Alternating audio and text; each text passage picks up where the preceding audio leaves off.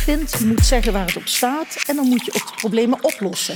Ik wil wel op dit moment gebruik maken, voorzitter, om een ander punt van de PVV te benoemen. Want doe eens normaal, man. Ja. Lekker zo normaal!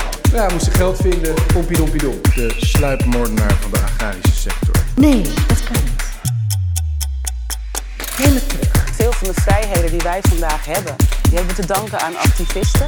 Uh, als ik premier ben, gaan we ticketjes spelen op het Binnenhof. Je luistert naar de Stemkast. Welkom, welkom, wees welkom bij deze speciale aflevering van de Stemkast. We gaan het net even iets anders doen dan we normaal doen. Ik ga namelijk geen verkiezingsprogramma behandelen. Wow, shocking, verwarring. Waarom luister ik dit dan? Nou, dat komt omdat ik toch drie belangrijke onderwerpen ga behandelen waarvan ik vind dat je er alsnog goed op voorbereid moet zijn om uiteindelijk een afgewogen keuze te kunnen maken tijdens de, ja, dus het stemmen. En dat zijn niet zomaar onderwerpen. We gaan het namelijk als eerste hebben over het verkiezingscircus. Heb jij nou al andere afleveringen van mij geluisterd, dan weet je waarschijnlijk waar ik het over heb. Maar geen zorgen, want ik ga dit nog meer uitleggen. Dan gaan we het hebben over verkiezingsbeloftes. En als laatste zullen we het gaan hebben over eh, stemmen op coronabeleid. Dus je stem uitbrengen gebaseerd op wat voor soort coronabeleid een bepaalde partij heeft. Als eerste het verkiezingscircus. Wat kunnen we daar allemaal over zeggen? Ten eerste, ik wil even verklaren wat ik hier nou precies mee bedoel. Want ik, want ik heb het al een aantal keer aangehaald in andere afleveringen. Maar ik doe hier eigenlijk meer op de grote clownerij van de politiek. Wanneer een, een politieke partij zichzelf tegenspreekt. Wanneer het programma inconsistent is. Of wanneer zij bijvoorbeeld anders stemmen dan hoe zij zich in het verkiezingsprogramma uitspreken. Dus eigenlijk de hypocrisie van de Nederlandse politiek aan de kaak stellen. Dat noem ik ook wel het verkiezingscircus. Even een disclaimer, want de volgende voorbeelden die ik ga noemen zijn gebaseerd op een aantal partijen, omdat ik daar heel duidelijk uh, ja, een voorbeeld in zag hoe dat naar boven kwam. Maar dat wil niet zeggen dat zij de enige partijen zijn. Ik ga ook niet alleen maar één kant zogenaamd aanvallen. Nee, absoluut niet. Dat is niet mijn bedoeling. Uh, deze ja, voorbeelden vielen mij gewoon toevallig op. Maar dit gebeurt natuurlijk bij heel veel meer politieke partijen. En het gebeurt ook ja, eerder dan in deze korte aanloop naar de verkiezingen toe. Alleen deze kwamen gewoon recentelijk uh, omhoog drijven bij mij. Die, die kwamen in mijn vizier. En ja, wat er in mijn politieke vizier komt, moet ik ook afschieten. Nee, grapje. Nee, zo dramatisch gaan we niet maken. Maar ik wil wel even een aantal punten benoemen. Weet je, we gaan maar gewoon meteen beginnen. Want ik maak het allemaal veel onduidelijker dan het eigenlijk hoeft te zijn. Ik wil dus eigenlijk als eerste iets zeggen over het CDA. Want zij zeggen bijvoorbeeld in het programma het volgende over uh, de GGZ, de geestelijke gezondheidszorg. Zo zeggen zij, ook is meer flexibele capaciteit nodig, zodat het aantal crisisplaatsen snel kan opschalen als dat nodig is. Dat is het einde van het quote. En dan ga ik er zelf even over zeggen dat het inderdaad nodig is. Want mega veel mensen hebben geestelijke gezondheidszorg nodig. Maar die krijgen het niet. De wachtlijsten zijn super lang. Je kan soms echt vet lang wachten tot je ja, hulp krijgt. En als het aankomt op crisisgevallen, mensen die acuut geestelijke gezondheidszorg nodig hebben omdat zij in een instabiele mentale uh, gezondheid verkeren, dan kan, dan kan het soms maar zijn dat zij niet op die crisisplaatsen terecht kunnen komen, want daar niet genoeg capaciteit is. Nou, zegt het CDA dus, die moeten we opschalen. Daar moet meer bij komen, zodat we die mensen kunnen helpen. Maar, maar, maar, wat heeft het CDA toen gedaan? Op 21 januari kwam er een motie van GroenLinks, eh, waarin letterlijk stond, we moeten het aantal crisisplekken opschalen. En daar heeft het CDA dus tegengestemd. Dit is dus letterlijk tegenovergesteld stemgedrag dan wat ze aangeven in een verkiezingsprogramma. En dit is nou precies wat ik noem het verkiezingscircus. Want waar sta je dan eigenlijk voor? Als je één ding zegt, maar vervolgens het andere doet, hoe geloofwaardig ben je dan? Daarna zeggen ze, uh, als we toch even in het thema zorgen blijven, zeggen ze ook nog eens dit in het verkiezingsprogramma. Wij willen een flinke opwaardering van het beroep van verpleegkundigen en verzorgenden. Zij verdienen een goed salaris dat aansluit bij de verantwoordelijkheden die ze dragen. Oké, Belangrijk om deze woorden te onthouden. Ze zeggen namelijk een goed salaris. Niet per se hoger salaris, maar een goed salaris. Maar zeggen ze, het moet aansluiten bij de verantwoordelijkheden die het zorgpersoneel draagt. We kunnen er allemaal geld op zetten dat die verantwoordelijkheden dit jaar gegroeid zijn. Dat is nou eenmaal een feit. De verantwoordelijkheden van het zorgpersoneel zijn gegroeid. Mensen moeten gewoon meer doen, meer klaarstaan. overuren maken, nog meer inzetten voor je werk dan je eigenlijk al doet. Dus als dat groeit, dan moet dus in hun rekensom het goede salaris ook meegroeien, want het moet blijven aansluiten. Vervolgens stemmen ze over een motie uh, waarin ook weer dit onderwerp naar voren is gebracht. Uh, om, om dus voor te stellen om structureel de zorgsalarissen te verhogen, stemmen zij tegen. Opnieuw spreken zij zichzelf tegen in hun stemgedrag, wat dus heel erg afwijkt van het verkiezingsprogramma. Nou, dan kom ik weer met mijn disclaimers, want ik wil natuurlijk ook niet een partij de grond intrappen. Want eh, ja, de politiek is natuurlijk heel erg willekeurig. Er gebeuren soms andere dingen. Partijen kunnen op onbepaalde redenen toch van gedachten veranderen. Kan allemaal wel. Maar wat dan jammer is, is dat daar geen transparantie van naar buiten komt. Waarom wordt het niet medegedeeld of een uitleg gegeven over, over bepaalde stemmingen of over bepaalde punten in het verkiezingsprogramma? Als daar geen duidelijkheid over is, kan de gewone kiezer, zoals jij en ik, uiteindelijk ook niet het onderscheid maken of dit bijvoorbeeld een verkiezingsbelofte is, waar we het overigens zo meteen over gaan hebben, of dat het een compromis is. En dat het dus eigenlijk wel een ideaal is van de partij, maar helaas moesten we daar een compromis op doen. Dat gaan wij niet weten. En dat weet ik dus ook niet. Dus daarom klassificeer ik dit alsnog als het verkiezingscircus. Maar het is natuurlijk niet alleen het CDA. Dat heb ik al gezegd. Het zijn veel meer partijen. Uh, ik heb zo al in de aflevering van D66 daar ook iets over gezet. Zij kunnen hier namelijk ook wel wat van. Want zoals ik toen al zei, D66 zegt in hun partijprogramma de huren te willen bevriezen als steuntje in de rug van vooral de lage inkomensklassen.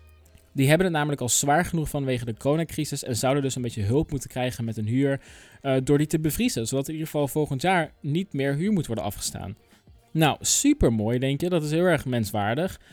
Maar vervolgens stemmen zij tegen de motie die voorstelt om de huren te bevriezen. Dat is dus opnieuw heel erg tegensprekend van waar zij nou voor staan. En dat is niet het enige geval. En dat gebeurde ook al toen D66 tegen uh, een motie stemde om, om vluchtelingen op te vangen. Terwijl zij wel in hun programma zeggen dat zij staan voor een humane opvang van vluchtelingen, waarbij menswaardigheid en naleving, naleving van het vluchtelingenverdrag voorop staan. Oké, menswaardigheid, dat staat toch wel centraal als we kijken naar de hulp die gaat naar het opvangen van vluchtelingenkinderen bijvoorbeeld. Die leven in verschrikkelijke omstandigheden. Maakt niet uit wat je nou van immigratie of integratie vindt. Maar we kunnen er allemaal wel mee eens zijn dat die mensen die daar in die kamp leven, vooral alleenstaande kinderen, echt een verschrikkelijk leven hebben. En volgens D66 moeten we daar dus menswaardig mee omgaan en die uh, vluchtelingen op een humane manier opvangen. Toch stemmen ze dan uiteindelijk tegen zoiets, als die motie dan naar voren komt. Ook hier, mini disclaimer bij.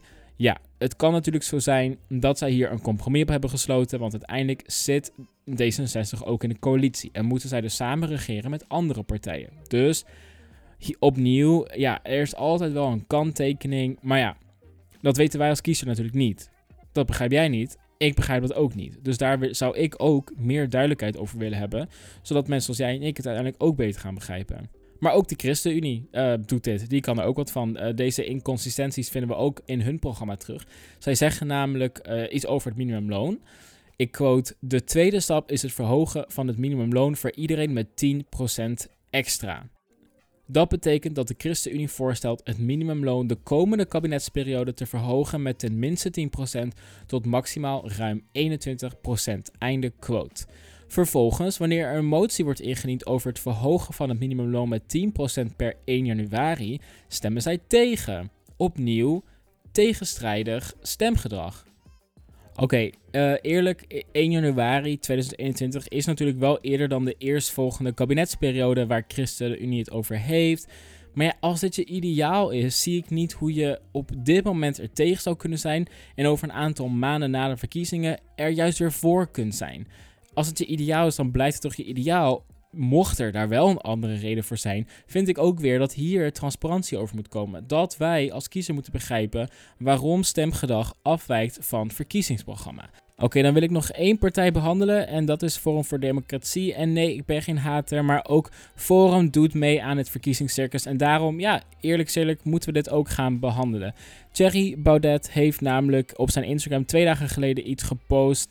ehm, wat hij captionde met Partij voor de Liefde, hartje, hashtag FVD. En dat was een foto met Gerard Joling. En daar zijn ze knuffelend eh, op de foto te zien. Eh, allereerst, ja, eh, coronabeleid. Dat, eh, dat gaat natuurlijk tegen alle regels in waar wij, wij als burgers ons aan moeten houden. Afijn, dat, eh, dat laten we even achterwege. Maar ze zeggen dus Partij van de Liefde. En daarmee suggereren ze dat, ja, dat Thierry Baudet en Forum voor Democratie staan voor gelijke liefde. Dus dat betekent liefde in alle vormen, dus ook homoseksuele liefde en alle andere vormen van liefde die bestaan. Want dat zeggen zij eigenlijk in die post. Maar als het er dan echt op aankomt om emancipatie van de LHBTI-gemeenschap, dan stemt Forum nooit in de juiste richting daarvoor. Zo zijn er bijvoorbeeld moties geweest eh, over het, eh, het verplichten van lesgeving over LHBTI-acceptatie op het MBO. Stemmen ze tegen. Over het bestraffen van homogenezing. Stemmen ze tegen. Over sancties opleggen voor instituties die weigeren aandacht te besteden aan seksuele diversiteit. Of, of scholen. Stemmen ze tegen. Zo laat het eigenlijk keer op keer zien dat. eh, ja, er zijn genoeg moties, maar elke keer stemt Forum voor Democratie tegen de emancipatie van de LHBTI-gemeenschap en tegen de rechten van bepaalde ja, mensen in Nederland. En dan toch posten ze iets op Instagram waarin ze zeggen de partij voor de liefde te zijn. Voor mij rijmt het niet. Voor mij is dit gewoon echt clownerij. Dat is clownerij, schat. Dat is clownerij. Nou, dit soort verkiezingspraatjes komen bij heel veel partijen voor. Dus mijn advies is ook om je in te lezen in de moties en hoe partijen stemmen. Over dit gesproken, want het sluit natuurlijk aan bij een ander punt. Daar wil ik het meteen over hebben. En dat is namelijk het tweede onderwerp van deze aflevering. Eh dan gaan we het hebben over verkiezingsbeloftes. Dat sluit namelijk wel heel goed aan bij mijn vorige punt. Ik weet niet of dit aan mij ligt, maar misschien heb jij het ook. Maar ik hoor in mijn omgeving dus bijvoorbeeld heel vaak mensen zeggen... Oh, dan heb je het weer, die verkiezingsbeloftes. Of eh, waar blijft die, eh, die 1000 euro die Rutte beloofde? Of eh, gaan we die 10.000 euro van Jesse Klaver ooit wel krijgen voor de jongeren? Nou ja, dat zijn dus volgens hun verkiezingsbeloftes. En toch ja, een groot deel van Nederland wantrouwt heel erg de politiek. En gelooft niet dat dat soort beloftes waar worden gemaakt. En noemt dat dan of schijnheilig, of hypocriet, of ze noemen het eh, corrupt, corrupte politiek. Nou, ik begrijp al die frustraties. En ik zie heel erg goed in hoe dat overkomt als een, een gebroken belofte. Of een niet waargemaakte belofte. Wanneer zo'n programmapunt niet in de praktijk kan worden uitgeoefend. Maar ik wil je daarin toch een beetje bijbrengen dat het niet altijd gaat om verkiezingsbeloftes. Er wordt niet altijd iets beloofd. Ik denk dat het belangrijk is om dat onderscheid te houden tussen een ideaal. Waar staat de partij voor? Wat vinden zij? En wat beloven zij voor elkaar te krijgen? En op dit moment zie ik weinig partijen die echt dingen beloven. Want het gaat natuurlijk heel lastig. We leven in Nederland in een democratie waarbij elke partij een stem heeft. Als je in de Tweede Kamer komt, heb je een stem. Dat betekent ook dat wij allemaal als gewone mensen natuurlijk een stem hebben. Onze stemmen worden ook gehoord. Maar dat betekent ook dat we niet in een land zoals Amerika leven, waar één iemand de baas is en waar al zijn of haar beloftes ook werkelijkheid kunnen worden, omdat je dat in je eentje beslist. Dat kan niet in Nederland. Dus niet al je verkiezingspunten kan je doorwerken in de Kamer. Er moet namelijk steun voor zijn. En voor die steun moet je samenwerken met partijen, moet je ze overhalen, moet je ze omkopen. Nee, grapje. Nee, nee. Oh, nu haal ik ook echt mijn eigen punt onderuit. Nee, dat, dat is grapje, dat gebeurt niet. Maar waar het op aankomt, we moeten in Nederland samenwerken. Zo is dat altijd al geweest. Dat is onze democratie. Er moet gepolderd worden, er moet het midden gevonden worden. We moeten coalities sluiten, opposities voeren. Dus dat betekent dat je niet al die punten uit je programma tot waarheid kunt brengen. Betekent dat dan dat een partij hun belofte heeft gebroken? In mijn ogen nee. Als het niet expliciet wordt beloofd, als GroenLinks niet zegt. Ik, eh, ik beloof dat elke jongere na de verkiezing 10.000 euro krijgt van mij. Nou, dan is het naar mijn idee geen belofte. Het is een ideaal. De partij zou dat graag werkelijkheid zien worden. Maar dat ligt natuurlijk ook maar echt aan hoeveel steun daarvoor komt in de Tweede Kamer. Dus ik denk echt dat het belangrijk is om dat voor ogen te houden. Denk bijvoorbeeld maar aan de SGP. Zij willen graag het homohuwelijk terugdraaien. Zij willen dat afschaffen. Dat is hun ideaal. Op dit punt misschien ook wel iets makkelijker te begrijpen, aangezien het een christelijk ideaal is. En het is een christelijke partij. Maar zij willen dus dat het homohuwelijk wordt afgeschaft. Is dat dan een belofte? Want laten we eerlijk zijn, dat gaat nooit gebeuren. Het, huwelijk, het homohuwelijk wordt niet teruggedraaid. Daar is geen steun voor in de Tweede Kamer. Dat zal nooit gebeuren. Heeft de SGP dan een verkiezingsbelofte gebroken? Nee, in mijn ogen niet. Zij hebben alleen vastgehouden aan hun ideaal. In hun ideale samenleving zien zij dat voor ogen, maar dat wil niet zeggen dat het ook echt gaat gebeuren.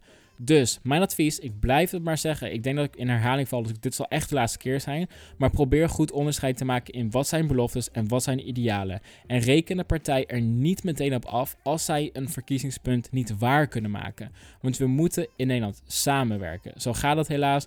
Moet jij ook soms op school doen, moet je ook op je werk doen. Heel eerlijk, vind je dat, dat leuk, samenwerken? Nee, maar je doet het toch, want het moet. En je moet dan ook tot het midden komen. Dus dat doen partijen in de politiek ook. Probeer daar een beetje op te letten. En daarover gesproken, heeft hier trouwens niks mee te maken, maar ik probeer een leuk bruggetje te maken. Gaan we het hebben over het derde punt van deze aflevering: stemmen op coronabeleid. En wat ik hiermee bedoel, uh, dit, ja, dit haakt eigenlijk een beetje in op verhalen die ik om mij heen hoor van jongeren die zeggen: Oh, ik stem op die partij, want zij zijn super anti-avondklok. En die partij wil dat alle jongeren weer naar school mogen. Dus ik ga op hun stemmen.